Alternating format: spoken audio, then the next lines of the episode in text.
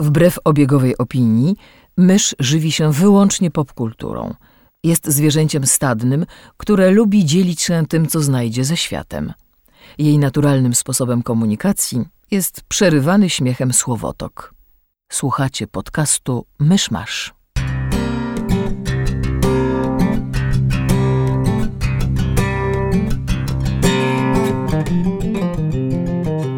Drodzy słuchacze, jest 11 luty 2019, 207 rocznica pierwszego użycia słowa gerrymandering. Zapraszam do 225 odcinka podcastu Myszmasz. Gerrymandering zawsze brzmi jak jakiś detektyw z powieści. 11 lutego 1812 gubernator stanu Massachusetts Elbridge Gerry został oskarżony o gerrymandering. A zabraliśmy się dzisiaj, bo mamy poważny temat do omówienia, więc usiądźcie wygodnie, zobaczcie sobie ciepłą herbatę. Rumianek. Rumianek na skołatane nerwy. I posłuchajcie o gatekeepingu. Otworzymy przed wami wrota wiedzy. Ojej. E, Cicho, to było genialne. Ja się na to nie pisałem, to brzmi jak za dużo odpowiedzialności. Dobrze, ale może zacznijmy od y, y, sformułowania, czym jest gatekeeping. Ja mogę, ja mogę, jako były student dziennikarstwa? Proszę. Przepraszam, absolwent dziennikarstwa, tego akurat jestem absolwentem, zapomniałem. Akurat tego. Akurat tego. Jedne studia skończyłem. Um, tak więc e, gatekeeping, e, oryginalne sformułowanie pochodzi z teorii komunikacji i mediów i dotyczy, ono nie jest oceniające. Gatekeeping w tym ujęciu nie jest negatywnym zjawiskiem, jest po prostu zjawiskiem.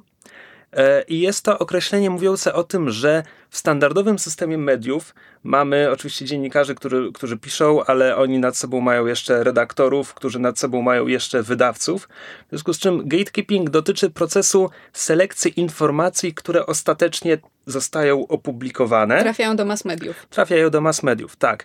I y, w tym pojęciu mieści się wszystko, co wpływa na tę selekcję, to znaczy tematy, którymi zajmuje się dany dziennikarz, to znaczy tematy, które wybierze mu redaktor, albo podrzuci, tematy, które odrzuci mu redaktor, e, tematy, których wydawca nie chce poruszać. E, dalej wchodzi kwestia tego, czy to są wyłącznie obiektywne przyczyny selekcji, to znaczy ktoś obiektywnie stwierdza, że to nie jest temat na news, czy może wchodzą tam jakieś uprzedzenia, świadome bądź nieświadome, że o tym nie chcę napisać, bo mnie ci ludzie nie interesują, o tym nie chcę napisać, bo to zaszkodzi ludziom, których lubię. Na przykład, to wszystko jest gatekeeping, natomiast ogólnie gatekeeping po prostu mówi nam, jest to proces selekcji. Gatekeeperami są ludzie, którzy decydują o tym, jakie informacje trafią do publikacji. Czyli dosłownie selekcja informacji. Już jakby na poziomie tego, tej właśnie medioznawczej definicji, to mamy do czynienia z tym, że jakby gate, tym gatekeepingiem na wielu poziomach, no bo tak jak mówiłeś, to jest jakby na poziomie dziennikarza, który dobiera jakby czym się konkretnie zajmie, ale też później jego redaktora, ale też polityki wydawnictwa, e, jakby sklepów, które później to e, dystrybuują i tak dalej. Czy można by zaryzykować stwierdzenie, że każde z nas, jakby, zwłaszcza użytkowników internetu, jest w pewnym sensie takim właśnie y, gatekeeperem czy strażnikiem bramy, bo jakby sami też decydujemy, jakie, jakimi informacjami się dzielimy, co puszczamy dalej. Właśnie, właśnie dlatego położyłem nacisk, że mówiłem o e, formacie standardowych mediów, mm. bo w internecie nagle wszystko zaczyna iść wieloma kanałami. E, nie wiem. Szczerze mówiąc, e, w tym oryginalnym ujęciu chodzi o nadawców publikacji, nie o odbiorców publikacji. Mhm. Więc w tym względzie nie. My jesteśmy gatekeeperami jako twórcy podcastu, bo wybieramy sobie, o czym właściwie w tym podcaście powiemy. Tak, ale to już jakby, jakby osoby, które później dany komunikat odbierają, są po tej drugiej stronie bramy, więc jakby trudno powiedzieć, że oni też są też pilnują tej bramy, no bo oni tylko co najwyżej mogą patrzeć, kto przez te bramy przechodzi, czy co przez te bramy przechodzi i decydować, z czym mają zamiar wejść w interakcję, ale to już trudno nazwać gatekeepingiem, bo to już przez bramę przeszło. Tak, po więcej informacji polecam e, wstęp do komunikacji masowej albo zajęcia z medioznawstwa, e, dziennikarstwo na Uniwersytecie Warszawskim. Nie, żartuję, nie polecam. E, nie polecam natomiast, Natomiast nie, nie zebraliśmy się tutaj, żeby rozmawiać o tym gatekeepingu. Jest to tylko wprowadzenie do dalszej części tematu. Myszu, nasza korespondentka od gatekeepingu. Jako jedyna token kobieta, tak, w tym podcaście. E, dobrze, więc jakby gatekeeping w pojęciu, e, które nas w tym momencie bardziej interesuje, to znaczy takim e, bardziej społecznym, czy i, konkretniej fandomowym, e, sprowadza się do tego, że gatekeeperzy to są osoby, które myślą, że mają prawo dyktować komuś, czy może być członkiem da danej społeczności, w tym grupy fanów jakiegoś dzieła. Znaczy tak, no to już przenieśliśmy się do internetu, więc te definicje tego, że ktoś w internecie, jakiś wydawca decyduje, co zobaczymy, no to jakby funkcjonują, no bo YouTube, algorytmy, algorytm staje się w pewnym stopniu gatekeeperem, no ale to już są bardzo rozmyte, y, rozmyte rzeczy, więc już przechodzimy do tego, że mamy ludzi, którzy sami decydują, kogo wpuszczają do jakiejś tam społeczności, którą tworzą. To znaczy ta, ta kwestia, granice są tutaj bardzo zatarte, bo ze standardowym gatekeepingiem też mamy do czynienia. E, ja mówiłem całkiem poważnie o nas jako twórcach podcastu. Nie, jak najbardziej. E, no tak. Natomiast zwłaszcza jeśli mówimy o internecie 1.0, kiedy, kiedy jeszcze w internecie dominowały strony, portale. Dominowały? Dominowały. Domeny domi, dominowały.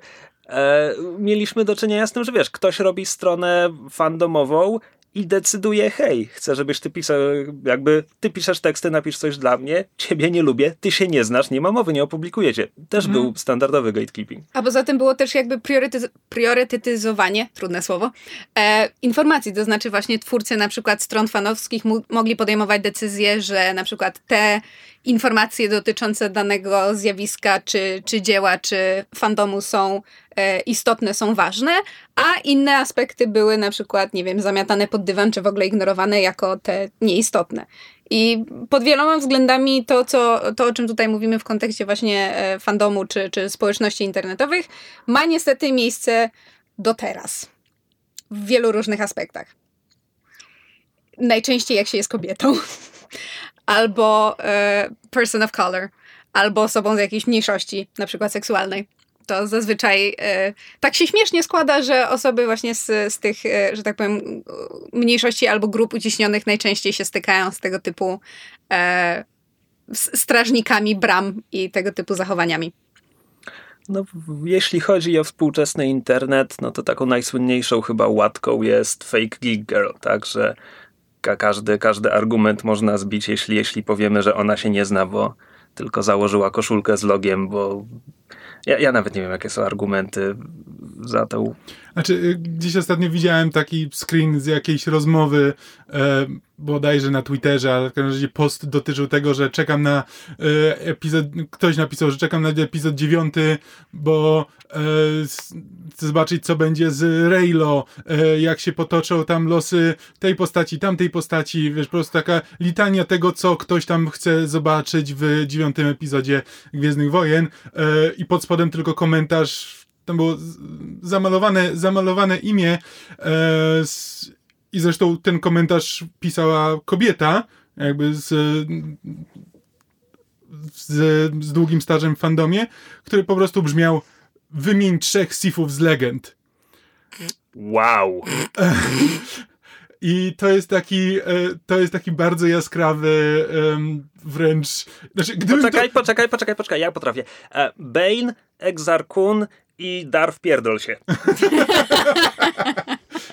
Znaczy, to jest taki przykład, że gdybym go wymyślił z głowy, to byłby przerysowany i, e, i byłbym prawdopodobnie słusznie oskarżony, że stawiam jakiegoś chochoła, ale to jest jakby autentyczny, autentyczny przykład, ale taki bardzo jaskrawy tego, że na tym właśnie polega gatekeeping. Znaczy, to nie jest tak, że ta jedna osoba może zadecydować o tym, że y, nie jesteś fanem, czy że nie, nie, nie wejdziesz do jakiejś społeczności, ale to jest jakby szereg postaw u jakby większej ilości osób, które po prostu stawiają barierę jakby bardziej prawdopodobnie psychiczną, mentalną niż jakby rzeczywistą, no bo to jest to po prostu zniechęca ludzi do dołączenia, jakby, że w momencie, kiedy zaczynasz się ekscytować czymś, czego do tej pory nie znałeś, a ktoś ci, a ktoś ci mówi, że i tak nie jesteś prawdziwym fanem, bo y, nie masz tej samej historii, co on, ona, jakby nie, nie, nie masz tych 30 lat y, z, znajomości książek y, czy filmów, e,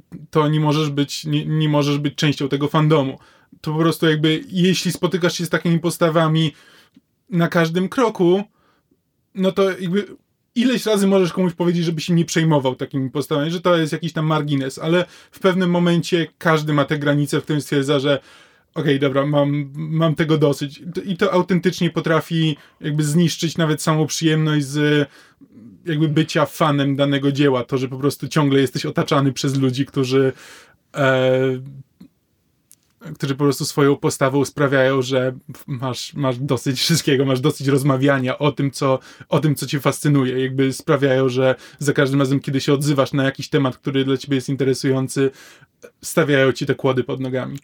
Tak, ale to nawet y, nie jest tylko i wyłącznie kwestia osób, które rzeczywiście czymś y, się y, mocno pasjonują czy interesują, bo to jest bardzo też niekorzystne dla osób, które dopiero wchodzą w dany fandom. To mhm. znaczy, jeżeli mamy osobę, która na przykład, nie wiem, dopiero e, zaczyna się interesować gwiezdny, Gwiezdnymi Wojnami, bo, bo tak, bo obejrzała, prawda, e, dwa filmy z, z, tej nowej trylogii i stwierdziła, o, fajne, to zobaczę, co było wcześniej i dopiero zaczyna się wkręcać w starą trylogię, w prequele i tak dalej.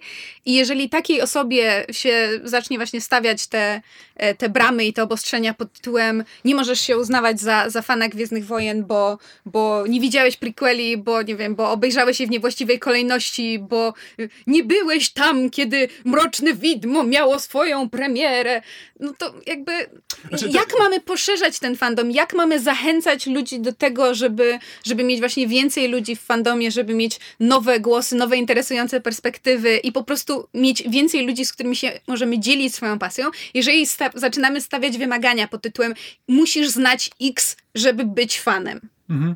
Znaczy, to, to jest też, mm, no bo jest też różnica pomiędzy tym, że no, są wymagania na zasadzie, że musisz znać to, to, to i to, żeby ktoś cię uznał za fana ale są też jeszcze, i to jakby samo w sobie jest złe, ale są też wręcz właśnie tego typu postawy, że jeśli, jeśli nie uczestniczyłeś w tym w momencie, kiedy to się narodziło, czy kiedy w, ktoś to poznawał, to już nie możesz być tym prawdziwym fanem. Że jakby wszystko, co się wiesz, wydarzyło 10 lat później, to już, to już nigdy nie będzie to samo, to już nigdy nie będą tacy sami fani jak my. E, jakby i mają prawo do oglądania sobie tych filmów i, nie, i fajnie, że, że się tym interesują, ale oni nigdy nie będą tymi prawdziwymi fanami. Jakby jest taki moment, gdzie po prostu to nie jest nawet to, że możesz wziąć to, co ktoś ci mówi i nadgonić, czy, czy po prostu potraktować to jako listę lektur, tylko po prostu takie, że nigdy nie będziesz e, równym partnerem do rozmowy na, na równym poziomie.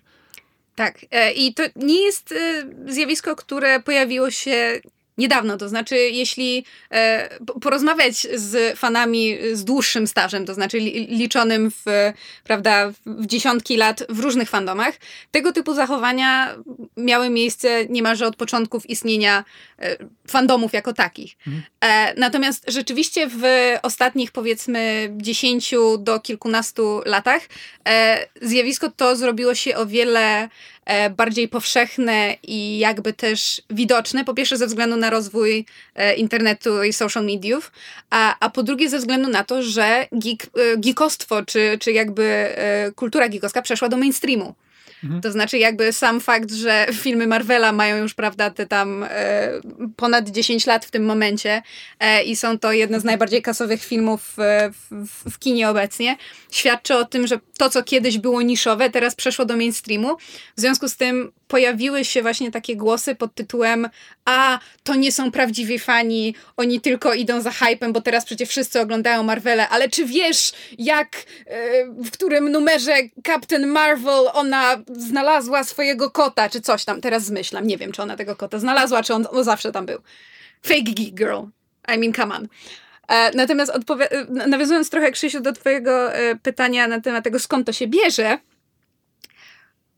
trudno stwierdzić, to znaczy um, swego czasu, w, bodajże w 2000 2012 roku na, na stronie Forbesa pojawił się artykuł właśnie na temat tego, dlaczego, na temat fake geek girls i dlaczego gatekeeping jest w ogóle zły dla, dla popkultury i dla jakby konsumentów, w sensie jakby dla, dla sprzedaży pewnych, pewnych treści, pewnych dzieł. E, I tam były zalinkowane e, artykuły do między innymi in, e, innego artykułu na Forbesie i między innymi do CNN, gdzie wypowiadali się ludzie, którzy właśnie krytykowali fake geek girls, że znaczy za sam fakt, że istnieją, że jak one śmią, prawda, właśnie założyć, nie wiem, koszulkę z Bad Girl a, i nie wiedzieć nic o Barbarze Gordon. I mnie osobiście ciężko jakby Barbarze Gordon Patałachy, liczy się tylko Cassandra Kane. No właśnie. E, mnie trudno stwierdzić, jakby skąd to się bierze, natomiast z tych artykułów właśnie wynika poniekąd to, o czym wspominał Kamil, na zasadzie, że jest jakieś takie przekonanie, że, że fake geek girls jako ten zupełnie zmyślony koncept szukają atencji, szukają uwagi, że one to robią po to, żeby zwrócić na siebie uwagę, E, to po pierwsze, a po drugie, że ponieważ same do niczego nie żywią tak głębokiej pasji, jak prawdziwy fan żywi do treści, którą fanuje, to, to, to jest dla nich substytut. One w ten sposób próbują jakoś te pasje sobie przywłaszczyć. Hmm. Kurwa, co? znaczy to po pierwsze. A po drugie, też y, pojawiały się y, często głosy, pod tytułem, że och, nie ma nic gorszego niż podejść do takiej dziewczyny na konwencie, która ma właśnie, nie wiem, koszulkę z Poison Ivy i zacząć do niej gadać o, o, o tym, jakie super są komiksy, a potem nagle się okazuje, że ona nic o komiksach nie wie i czujesz się taki kurde oszukany, bo myślałeś, że ona jest fajna i na poziomie, ona gówno wie. Przepraszam, ale tutaj już... Znaczy, e, znaczy jakby... E wycofując się trochę z um, nie chcę powiedzieć negatywnego tonu, bo to jest negatywne zjawisko w nie, bardzo czemu? dużej mierze. Jest, jest wolny fotel w studiu, Chochoł może na nim usiąść. Wigilijna tradycja fotela dla Chochoła. Um, nie, bo to bierze się prawdopodobnie z takiego odruchu, który jest w pewnym stopniu zrozumiały. To znaczy, że jak tworzysz sobie jakąś społeczność, to tworzysz ją w jakimś celu. To jest jakby to jest przypomina trochę nie, nie, kółko dyskusyjne, powiedzmy, że chcesz rozmawiać o tym, co cię, y, co cię interesuje z ludźmi, którzy, e, którzy podzielają tę twoją pasję. E, więc to się bierze z takiego, mm, no może nie strachu, ale z takiego z negatywnego, negatywnego czucia, że nagle ten twój klub dyskusyjny zapełni się ludźmi, którzy nie wiedzą o czym mówią i jakby z, i nagle ta rozmowa staje się trudniejsza, że nagle oni zaczynają rozmawiać o rzeczach, które ciebie nie interesują, które nie, nie, są, nie są dla ciebie interesujące albo y, są na takim poziomie, który ty już przedyskutowałeś dawno, dawno temu i te rozmowy, y, te rozmowy cię po prostu już nie interesują. Już ci przeprowadziłeś tysiąc razy i nie musisz rozmawiać y, o tym, nie wiem, kto strzelił pierwszy, czy, wiesz, czy Han, czy Grido, że jakby nowe osoby, kiedy wchodzą, zaczynają zaczynają od zera, zaczynają rozmawiać o też nowych rzeczach, ale też starych rzeczach po raz pierwszy. Więc z jednej strony możesz czuć się zagubiony, bo no bo jeśli ktoś jest takim tradycyjnym fanem i na przykład nie, nie lubi nowych epizodów, no to rozmowy o, o Reylo, o Kylo Renie, o Rey, o, o postaciach na przykład niekoniecznie go interesują. E, albo po prostu, albo jak ktoś rozmawia o e, starej trylogii, to rozmawia na poziomie, który e, też nie jest dla niego interesujący, bo, bo jego nie wiem, wiedza jest rozbudowana jeszcze o to, co się wydarzyło w książkach, więc już y, rozmawia na trochę innym poziomie i to jest taki strach, że no, ci nowi ludzie jak tutaj wejdą, to nagle brakuje dla ciebie miejsca. I to jest taki typowy strach, który się, e, który bardzo łatwo się przeradza w toksyczne, e, toksyczne zjawiska. To zarówno widzimy w, po prostu w fandomie, jak i w zwykłych społecznych zjawiskach, to znaczy w imigracji i tak dalej, że nagle pojawiają się ludzie, których nie rozumiesz i boisz się, że, e, że są tutaj, żeby cię zastąpić i że nagle nie będzie dla ciebie miejsca, e, że oni się czegoś domagają od ciebie jeszcze e, czy, i tego typu rzeczy.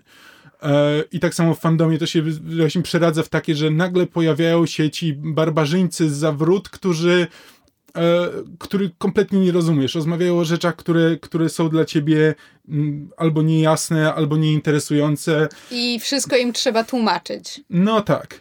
Mhm. No tak, tylko że to jest się też przy, to w pewnym stopniu z, prowadzi do tego, że zamykasz się w swoim bąbelku, i tak będziesz rozmawiał tysiąc razy o tych samych rzeczach z tymi samymi ludźmi, bo jeśli nie wprowadzisz tam tych nowych, nowych fanów, albo będziesz im stawiał takie wymagania, że de facto są tymi samymi starymi fanami, bo mają dokładnie te same przekonania, co ludzie, z którymi czujesz się komfortowo, no to i tak nie ma o czym rozmawiać. I tak w którymś momencie to się staje wsobne i, e, i nieinteresujące.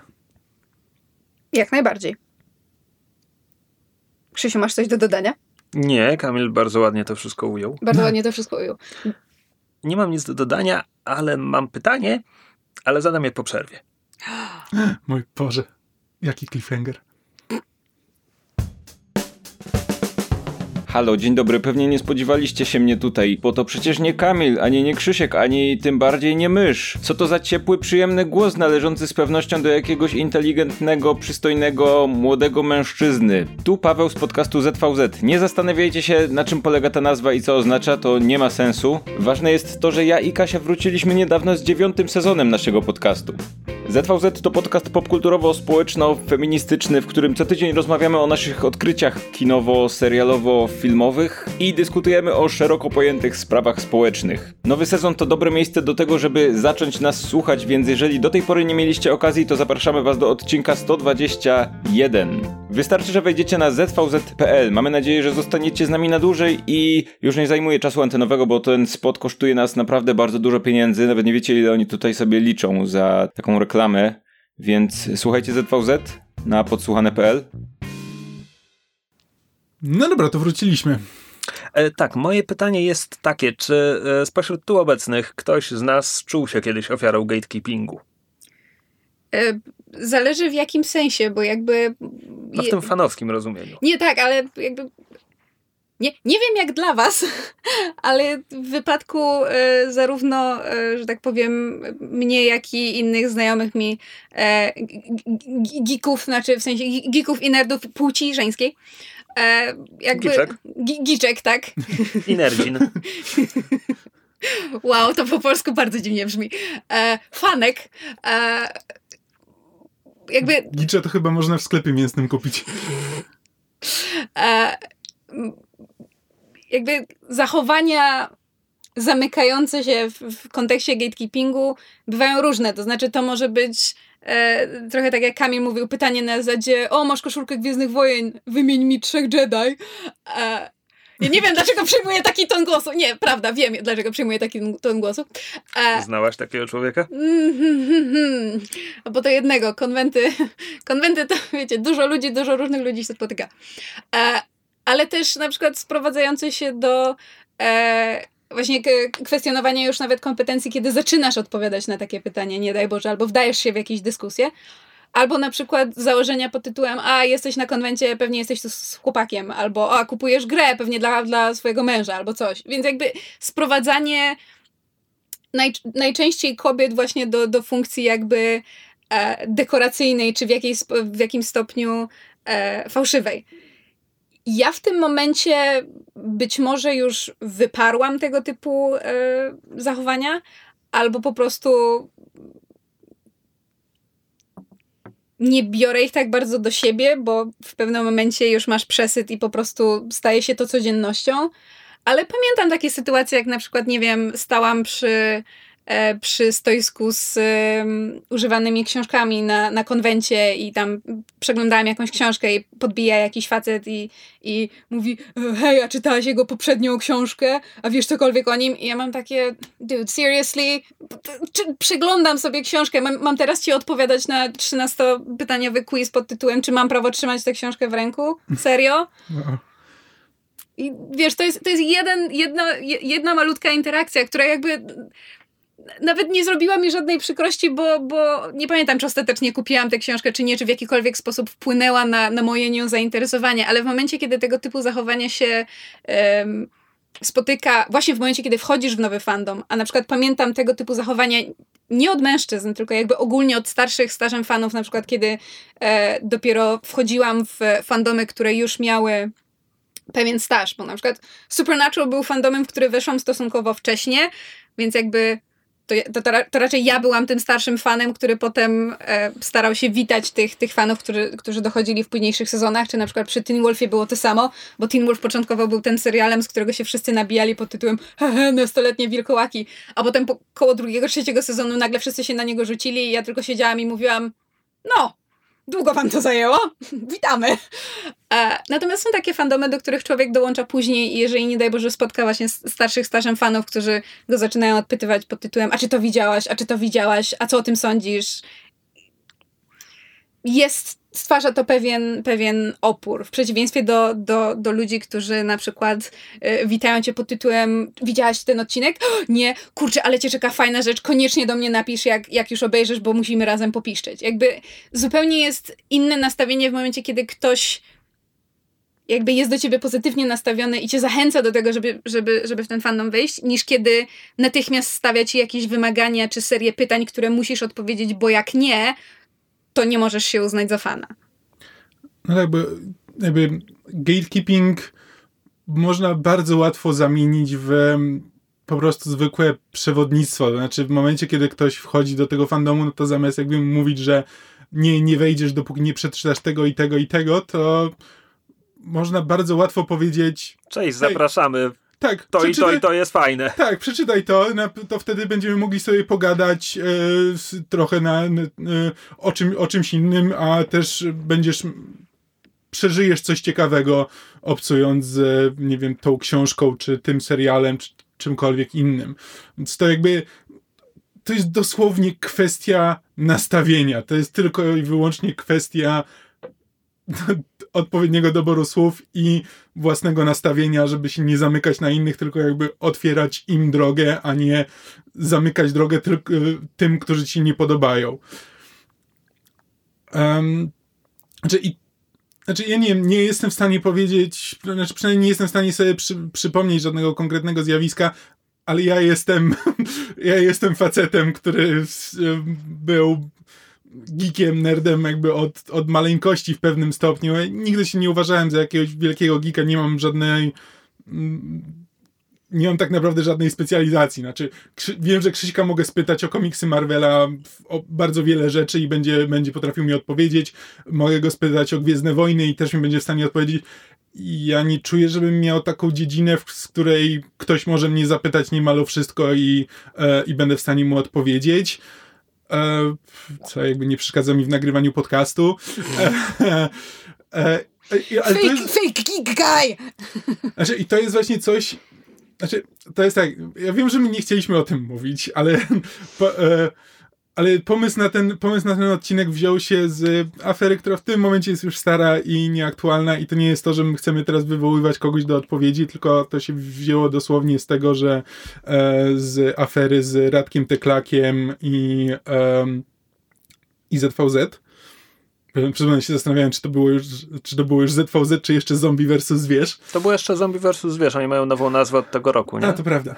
Um, I to jest właśnie i o ile ja się nie spotykam, jakby osobiście nie mogę powiedzieć, że nie wiem, spotkałem się z jakimś e, gatekeepingiem skierowanym do, konkretnie w moją stronę, to to jest coś, co zawsze mam z tyłu głowy, prowadząc podcast.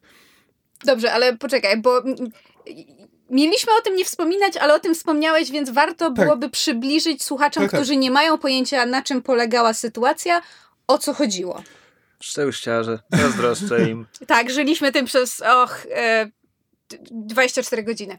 Tak. W, podcaście, w podcaście Zombie vs. Zwierz, obecnie ZVZ, e, Kasia Czajka, która normalnie prowadzi ten podcast razem z Pawłem Opydo, nie mogła w nim uczestniczyć, więc Kasię zastąpiła Ocia. Gościnnie. Gościnnie, z czytu czytu.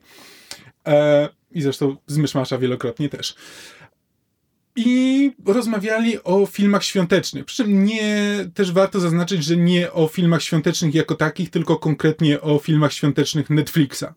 E, Netflix od paru lat ma zwyczaj nagrywania na święta jakichś mm, specjalnych filmów e, i Ocia leżąc w łóżku zaczęła je oglądać, więc postanowili o tym e, pogadać. I przy okazji wspomnieli ktoś rzucił coś o szklanej pułapce. E, na zasadzie, no bo filmy świąteczne, coś tam o szklanej pułapce i zarówno Paweł, jak i Ocia przyznaje, że tak naprawdę to nigdy nie widzieli szklanej pułapki.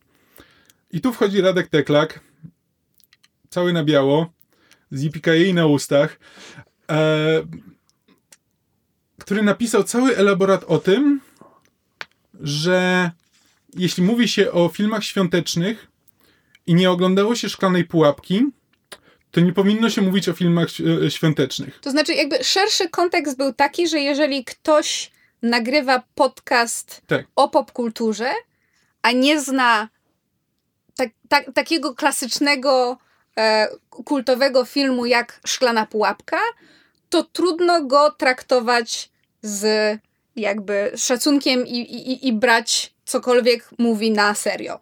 Znaczy, ja bym tutaj uściślił, bo mówisz cały elaborat, dodajmy, że chodzi o status na fejsie, to nie jest mhm. tak, że on wykupił stronę w wyborczej.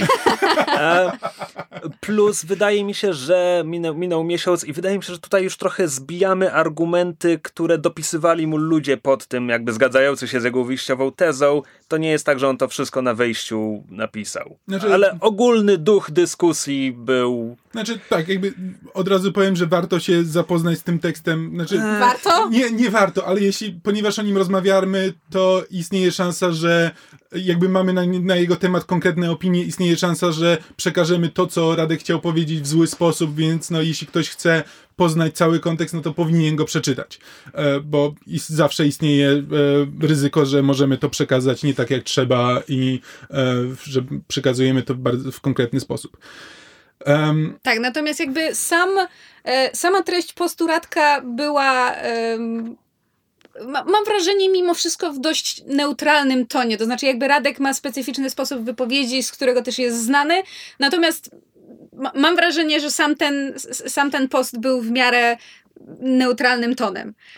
Natomiast dyskusja, która się rozpętała pod spodem osób, które, e, które przeczytały ten status i właśnie zaczęły się z nim zgadzać albo dopisywać wręcz pewne rzeczy i potem dyskusje, jakie w wyniku tego wyszły, jakby sprowadzały się właśnie do tego, e, powiedzmy do, do, do takiego argumentu pod tytułem hehe, gimby nie znają, co oni wiedzą. I strasznie mnie to bolało. I ja się nawet do, do tej dyskusji odniosłam u siebie na fanpage'u, jakby nie linkując do niej, ponieważ właśnie chciałam jakby powiedzieć parę słów o, o, o gatekeepingu, o tym, dlaczego stawianie pewnych wymagań w rozmowie o popkulturze niekoniecznie jest, nie wiem, korzystne dla szerszej dyskusji. I potem się rozpętała kolejna afera.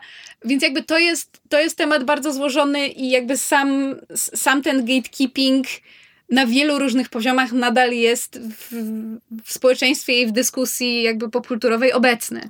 Znaczy tak, i w kontekście konkretnie tej wypowiedzi, znaczy to jest tak, po pierwsze uważam, że w kontekście tego konkretnego odcinka ZVZ ona była nietrafiona, bo mowa była o filmach Netflixa, więc to, że ktoś nie widział Szklanej Pułapki, nawet gdyby Paweł i Ocia byli wielkimi fanami Szklanej Pułapki od lat i widzieli ją we wszystkich możliwych wersjach e, na VHS-ie i becie i czym jeszcze, e, to nic by z tego nie wynikło. Znaczy w najlepszym, znaczy w idealnym świecie Radka Teklaka, w którym e, jakby szklana, pułapka jest uczona w szkołach i wszyscy ją widzieli, ten odcinek by wyglądał mm, no ja oglądałem Szklaną Pułapkę, ja też e, ale mówimy teraz o filmach Netflixa, więc przejdźmy do filmów Netflixa.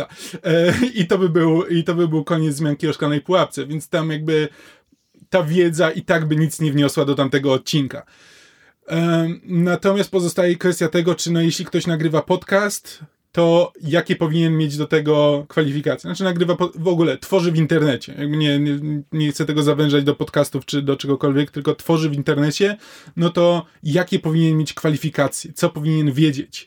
E, czy od twórców internetowych spodziewamy się e, eksperckiej wiedzy? No i to nie, jest pytanie, na które da się odpowiedzieć tak czy nie, bo to zależy od tego, co akurat ktoś tworzy. My jako myszmasz, mam wrażenie, przynajmniej na początku swojej działalności, nie podkreślamy tego na każdym kroku, bo, bo po co, ale podkreślamy, że nie jesteśmy podcastem eksperckim w żadnym stopniu. Znaczy, są rzeczy, na których się znamy, są rzeczy, na których się nie znamy, ale mamy takie zainteresowanie, jakie mamy, rozmawiamy praktycznie o wszystkim, co się da, więc będą też rzeczy, których nie znamy, których nie wiemy i prawdopodobnie, które wiele osób by uznało za podstawowe braki w wiedzy, nie wiem, filmowej, popkulturowej, e, jakiejkolwiek innej. Tak, a przy tym miałem takie poczucie, że nigdy nie chcę słuchaczom mydlić oczu. Uszu? Nie chcę słuchaczom mydlić uszu, dlatego e, kiedy, kiedy pojawia się, kiedy omawiamy, nie wiem, film X, który jest częścią serii, ja was zazwyczaj pytam, no dobra, jakby Mhm. Czy, czy, czy znacie poprzednie filmy z serii, jakby, jaki macie do nich stosunek, żeby słuchacze wiedzieli, jakby z jakiej, tak. z jakiej pozycji to mówimy. E, natomiast to absolutnie nie znaczy, że jeśli znamy tylko film X, a nie znamy serii Y, do której należy film X, to że nie możemy powiedzieć o filmie X, to jest idiotyczne. Tak, tylko że po prostu dajemy znać, że omawia, omawiamy dany film z perspektywy osoby, która nie zna na przykład poprzednich części.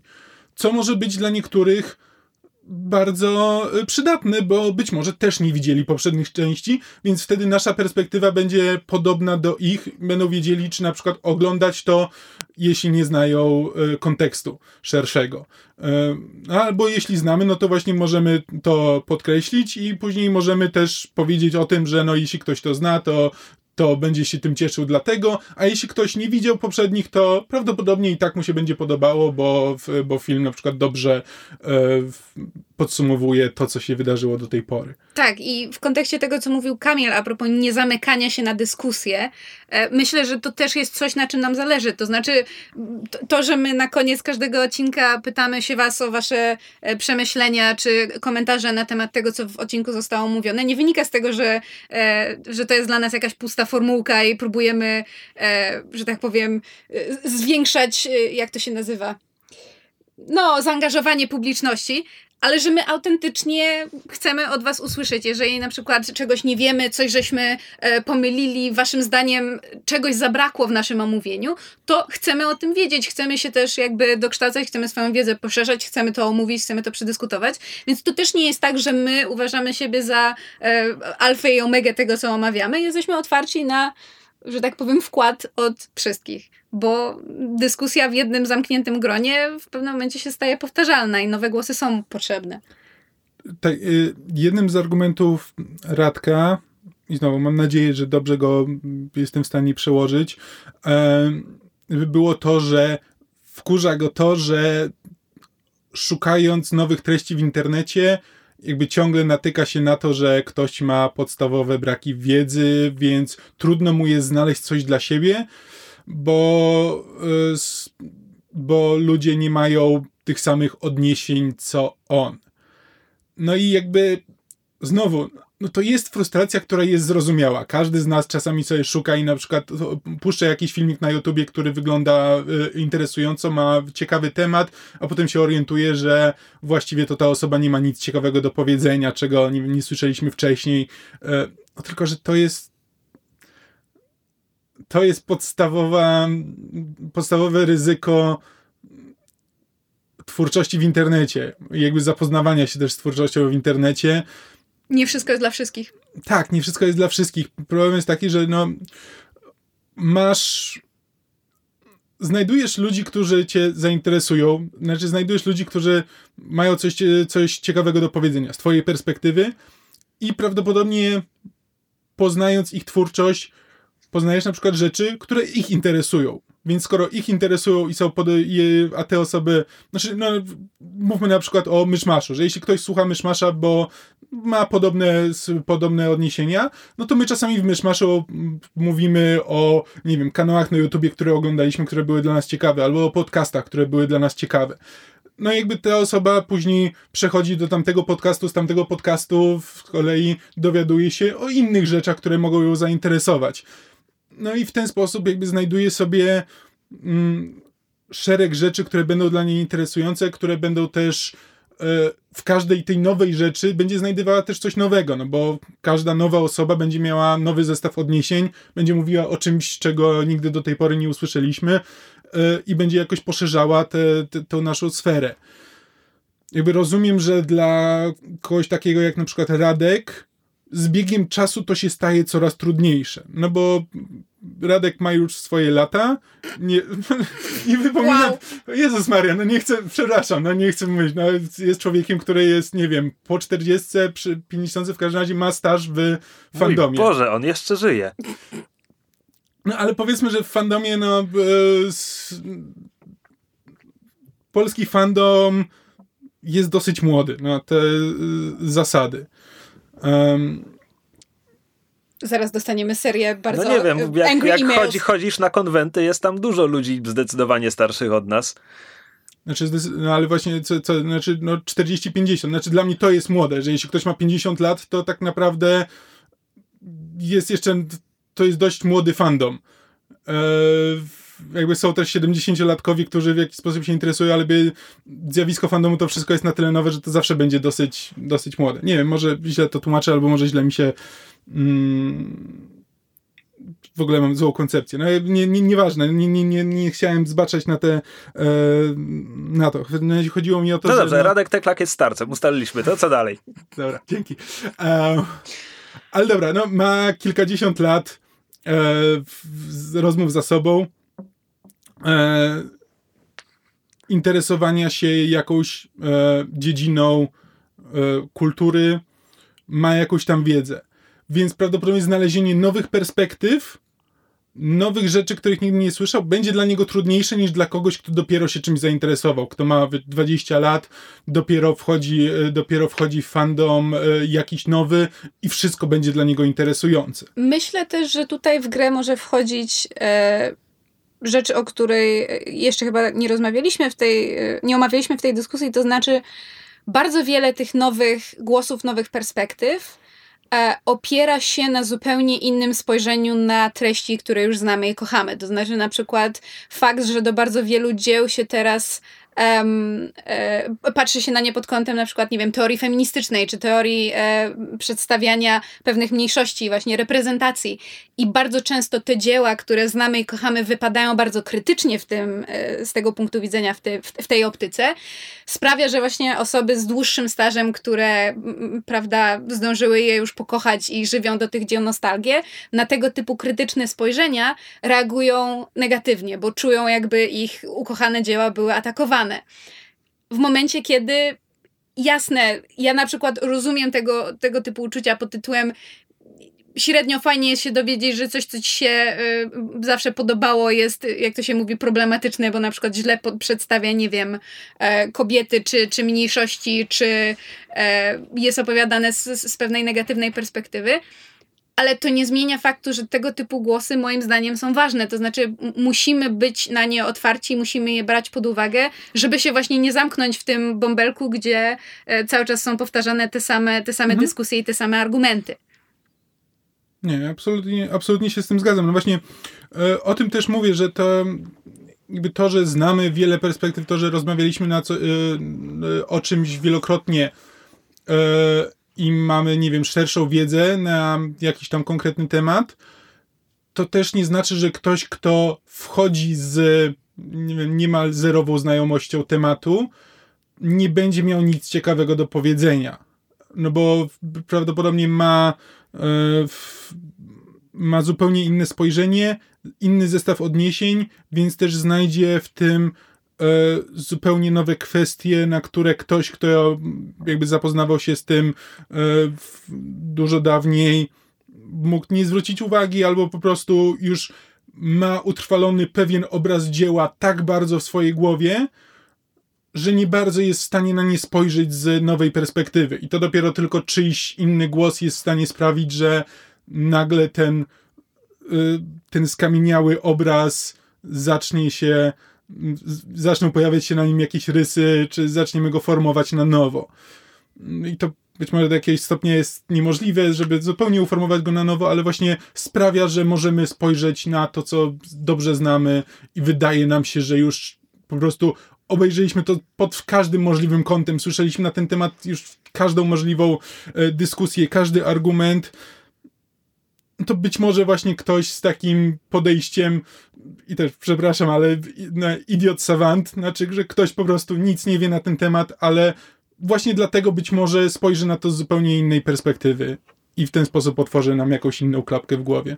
Dobrze, a ja mam, e, Krzysztofie, do ciebie pytanie, ponieważ ty zapytałeś się nas, czy mamy takie doświadczenie z gatekeepingiem, natomiast sam nie, nie udzieliłeś się, e, że tak powiem, z odpowiedzią, co jest dla mnie o tyle ciekawe i w sumie chciałabym do tego wrócić, ponieważ wydaje mi się, że dość jakby intensywnie siedzisz w dwóch fandomach, w których tego typu zachowania wydają się powszechne, to znaczy mam na myśli komiksy i Gwiezdne Wojny.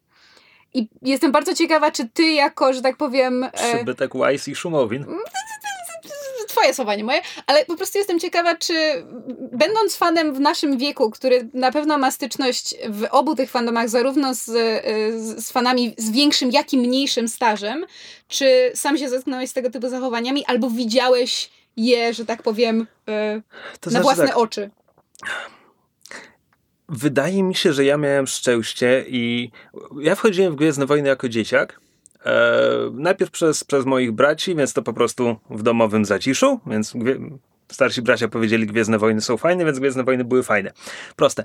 Natomiast potem pojawił się internet, kiedy miałem jakieś, nie wiem, 10 lat, 11. E, to mogła być Neostrada. Nie, nie potwierdzam, nie zaprzeczam. Dziecko Neostrady. W związku, w związku z czym mój pierwszy kontakt z fandomem nastąpił w tym wieku. E, więc zanim jeszcze trafiłem na moje pierwsze forum gwiezdnowojenne, to trafiłem na jakąś Jezus Maria, jak to kiedyś działało? Były grupy mailingowe czy coś takiego. Ja nie wiem, co okay. to było. Były, były. E, tak, nigdy nie uczestniczyłem w żadnej, ale no właśnie, różne więc, dziwne rzeczy Więc były. właśnie mój pierwszy kontakt z fandomem Gwiezdnych Wojen to było coś takiego, była taka grupa mailingowa. I ja byłem dzieciakiem, więc ja tam zadawałem absurdalnie durne pytania. Mhm. E, czy to było jeszcze wtedy, kiedy byłeś przekonany, że soku Millennium to jest tysiącletni soku? Nie, nie, nie, to jakby to szybko. Bo w książkach był. No, w książkach był. E, w każdym razie, e, w każdym razie nie przypominam sobie, żeby, żeby, żeby ktoś mnie kiedyś potraktował jakoś chamsko. Właśnie wydaje mi się, że miałem szczęście, że trafiałem w internecie na ludzi, którzy, którzy mi objaśniali, że hej, przeczytaj to, przeczytaj tamto, bez jakiegoś wykluczenia. E, byłem chłopcem. Nie wiem, jakby to wyglądało, gdybym był dziewczynką. Z drugiej strony. Z drugiej strony nie wiem, co chciałem powiedzieć. Komiksy? Znaczy, e, komiksy znowu wydaje mi się, że nie wiem, bo ja pojawiłem się na tym forum jak, jako człowiek, który oglądał kreskówki, ale z drugiej strony wtedy wszyscy wchodzili przez X-Menów przez kreskówkę. Jakby osoby parę lat starsze, tak, one czytały TM Semiki, więc tam była taka grupa guru, których się pytało o rzeczy, ale znowu nie przypominam sobie, żeby tam pojawiały się chamskie zachowania. Okej, okay, tak, Avalon jest miejscem, gdzie pojawiło się tak zwane prawo, tam ksywa użytkownika, chuja czytałeś, natomiast to był jakby, to, to, to nie było, więc się nie wypowiadaj, tylko więc w tej dyskusji nie masz racji. E, co jakoś pozwala mi zaakceptować to, to sformułowanie. Więc wydaje mi się, że miałem szczęście w tym względzie i że, i że akurat miejsca w internecie, na które trafiałem, ludzie w internecie, na których trafiałem, byli w porządku, albo byłem tak mały i nieświadomy, że przelatywały mi nad głową złośliwości. Albo po prostu w, jakby na początku internetu ta grupka była na tyle mała, że jakby to zasilenie nową krwią było dla wszystkich pozytywne, na zasadzie, że to jest nowa osoba, chcemy, chcemy powiększać ten fandom, chcemy, wiesz, jest, mamy grupkę mailingową, ile jest osób na tej grupce mailingowej. Każda nowa osoba będzie fajnie, jeśli ktoś do tego dołączy i, e, i będzie jeszcze z kim rozmawiać. Natomiast obecnie, kiedy mamy... Znaczy, to był fandom Gwiezdnych Wojen, więc jeśli mówimy o licznych fandomach, to on... Ale w Polsce 20 lat temu... Ale Kamil tutaj wspomniał o czymś ciekawym, to znaczy jakby początkach internetu, a ty z kolei, Krzysiek, wspomniałeś o tym, że wtedy wszyscy oglądali kreskówkę i większość osób, wie, wiele osób przyszło znaczy, jakby z kreskówki. Ja, ja może dodam, że kiedy mówię o swoim wchodzeniu w fandom komiksowy, konkretnie X-Menowy, to jest już y, z pięć lat później, już byłem nastolatkiem. Inna znowu perspektywa. Jasne, ale po prostu... Um, za naszej, powiedzmy, młodości, kiedy, prawda, internet był w powijakach, pewne rzeczy działy się cyklicznie, to znaczy, prawda, właśnie, nie wiem, kiedy, kiedy e, w telewizji leciały kreskówki z X-Menami, wtedy wiele osób wchodziło w fandom X-Menów i komiksów. W momencie, kiedy w kinach była, e, były prequele Gwiezdnych Wojen, nowe pokolenie wchodziło w Gwiezdne Wojny. Jakby popkultura miała pewną cykliczność i ze względu na to, co akurat było w kinie i w telewizji, ludzie dołączali do fandomów pewnymi jakby rzutami. A w tym momencie, kiedy masz w każdej chwili dostęp do każdego dzieła, to jest tak jakby rozprzestrzenione, że pomijając wielkie kinowe premiery, e, to, to nie ma jakby takich rzutów. I nie bez powodu artykuły na temat e, fake geek girls i e, zwłaszcza w, w mediach mainstreamowych pojawiły się w momencie, kiedy filmy kinowe Marvela też stały się mainstreamem i za ludzie zaczęli jakby napływać do pewnych zamkniętych fandomów ogromnymi falami. Mhm. Moim zdaniem to jest jedno z drugim, to jest jakby system naczyń połączonych. Znaczy tak, w pewnym stopniu pewnie tak. E, no to jest tak, że i znowu przyjmując tę rolę, nie wiem, adwokata diabła czy coś, też rozumiem, że jeśli jest tak jak mówić, że ludzie przychodzą tylko po na przykład po dużych premierach, po premierze prequeli, to odporność na na przykład odpowiadanie na te same pytania jest wyższa. Na zasadzie ktoś obejrzał prequele i teraz pyta cię o, wiesz, o to, kim jest Anakin, jakby jak się ma, nie wiem, Vader do Anakina i tak dalej, i tak dalej. Um, jakby jesteś, jakby odpowiadasz, odpowiadasz parę razy, mnóstwo osób przychodzi w tym samym momencie, więc jakby widzi tę odpowiedź i tak dalej. Jakby kiedy te osoby napływają ciągle, no to ciągle ktoś mhm. powtarza to samo pytanie, i ktoś może mieć dosyć odpowiadania i po prostu mieć na zasadzie, a weźcie się wszyscy, douczcie, e, chuja czytaliście. E, chuja wiecie. Tak, więc e, z, e, i w pewnym momencie to się przeradza, przeradza w jakąś frustrację. Przy czym znowu, ja uważam, że to jest coś, co należy, znaczy za, należy zagryźć zęby, znaczy no możesz, no to też są dwa podejścia, na zasadzie możesz powiedzieć, to pytanie już było, e, w, E, i nie wiem, zablokować, zablokować osobę, nie wiem, wskazać jej regulamin i tyle. Albo możesz to pytanie już było, przeczytaj sobie tutaj. No i znowu, no wiadomo, nie każdemu się chce to robić. Trudno jest wymagać od każdego, żeby miał nieskończone pokłady cierpliwości, ale jednak fajnie by było. Znaczy tak, ja się przyzwyczajam, ja się łatwo przyzwyczajam do e, rzeczy, ludzi, miejsc w internecie. W związku z czym wciąż jestem użytkownikiem forów internetowych. Przepraszam, w tym momencie już tylko jednego forum, bo te, to gwiezdnowojenne, na którym jakby nie zaglądałem przez lata, a potem zaczęły być e, filmy Disneya, więc zacząłem tam mniej więcej raz do roku zaglądać.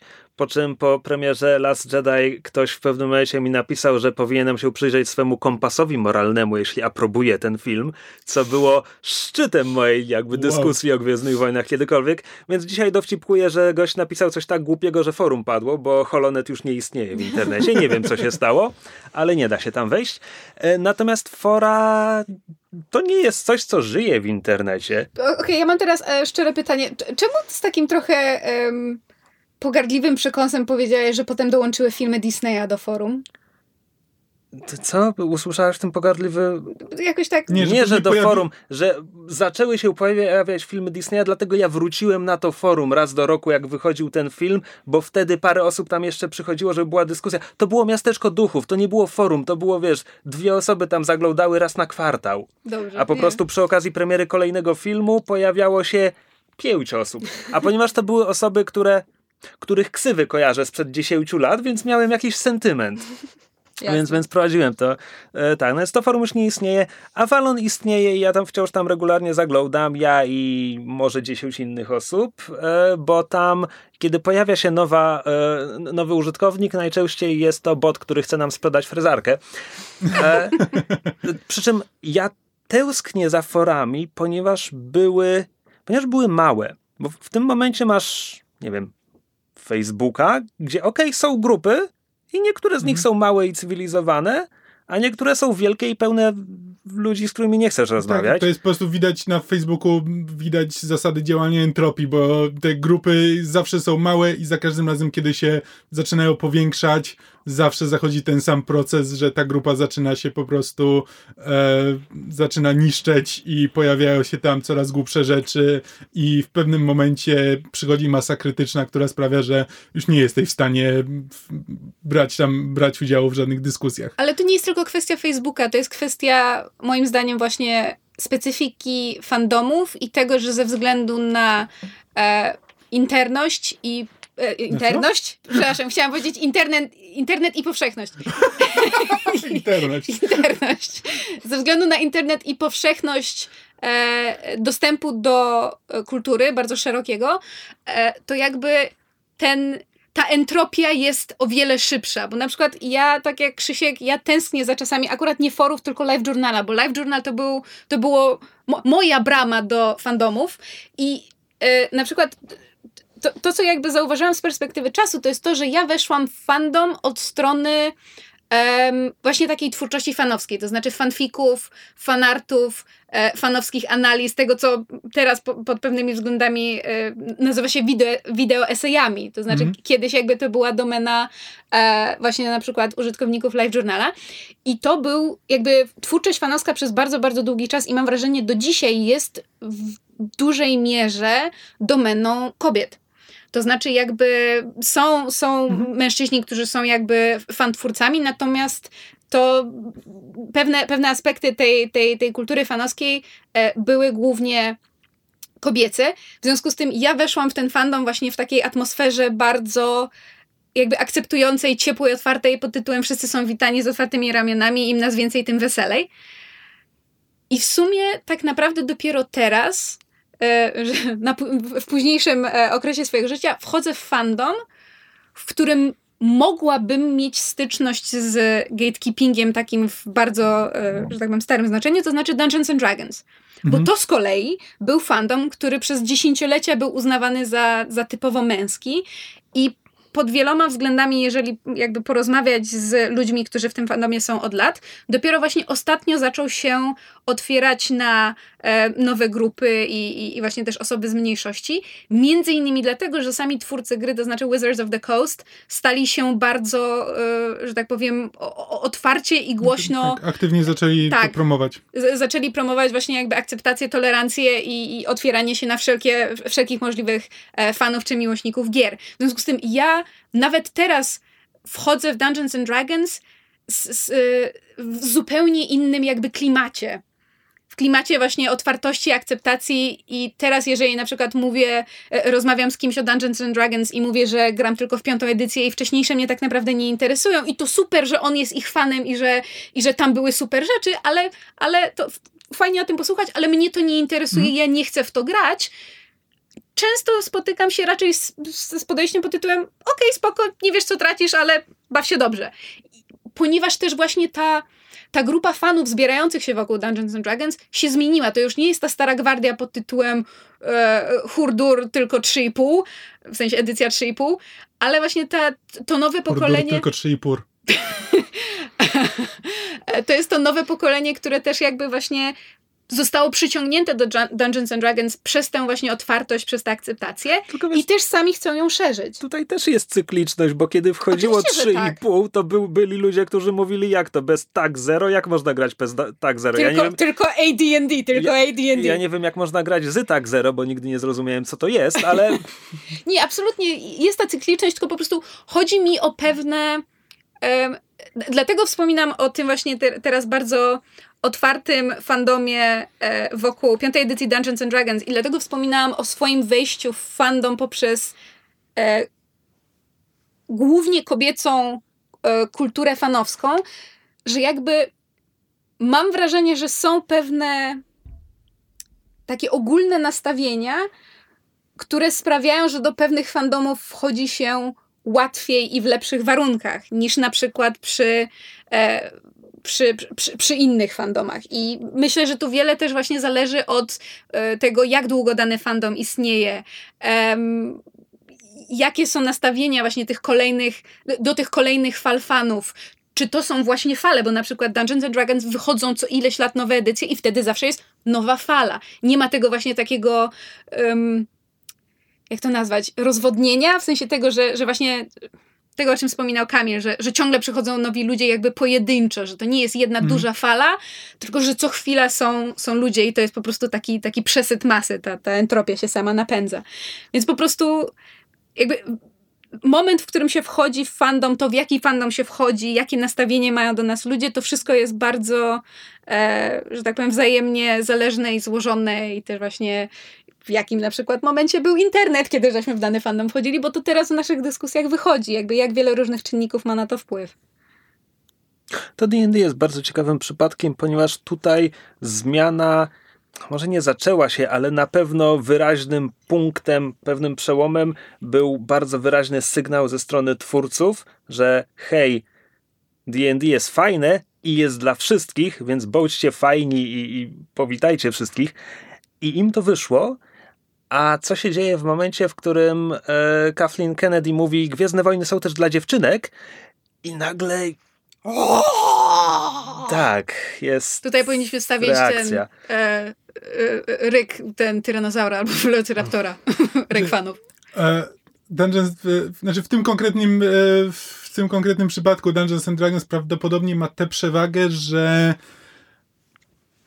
większość tego, co wynika z Dungeons and Dragons i tak rozgrywa się przy stole, więc e, jakby jeśli ktoś chce w swoim zamkniętym gronie, jakby będzie grał dokładnie w Dungeons and Dragons Tak jak 5, chce. będzie grał tak samo jak grał w Dungeons and Dragons 3, to, że jakby e, społeczność stała się bardziej inkluzywna i jakby podręczniki stały się bardziej inkluzywne, nie To znaczy... nieważne, ja się mogę zamknąć w swoim domu. Dokładnie, można to po prostu olać bardzo łatwo. Natomiast jakby w filmie w, e, film jakby przedstawia ci konkretne, e, konkretną rzeczywistość i, i to już ma utrudnione zadanie, no bo już nie może tylko powiedzieć, że teraz to jest dla wszystkich i robić wszystko tak samo jak, jak kiedyś, tylko no musi też podjąć jakieś konkretne działania i wtedy te działania stają się już e, stają się napędem do tysiąca statków, które w komentarzach na YouTubie będą krzyczały o feminizmie i nie wiadomo jeszcze o czym. Statki w komentarzach na YouTubie będą krzyczały Tak. o feminizmie.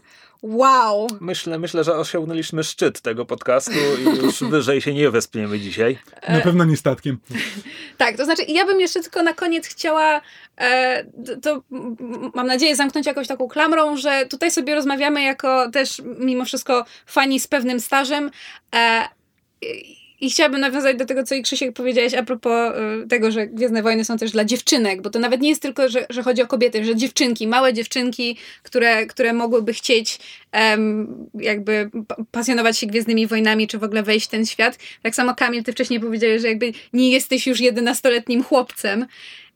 A właśnie częściowo na tym problem się zasadza. To znaczy, my możemy e, między sobą, e, prawda, długo się próbować quizować na zasadzie wymień mi, nie wiem, pierwszy komiks, w którym się pojawiła Harley Quinn, a jak nie wiesz, to chuja wiesz.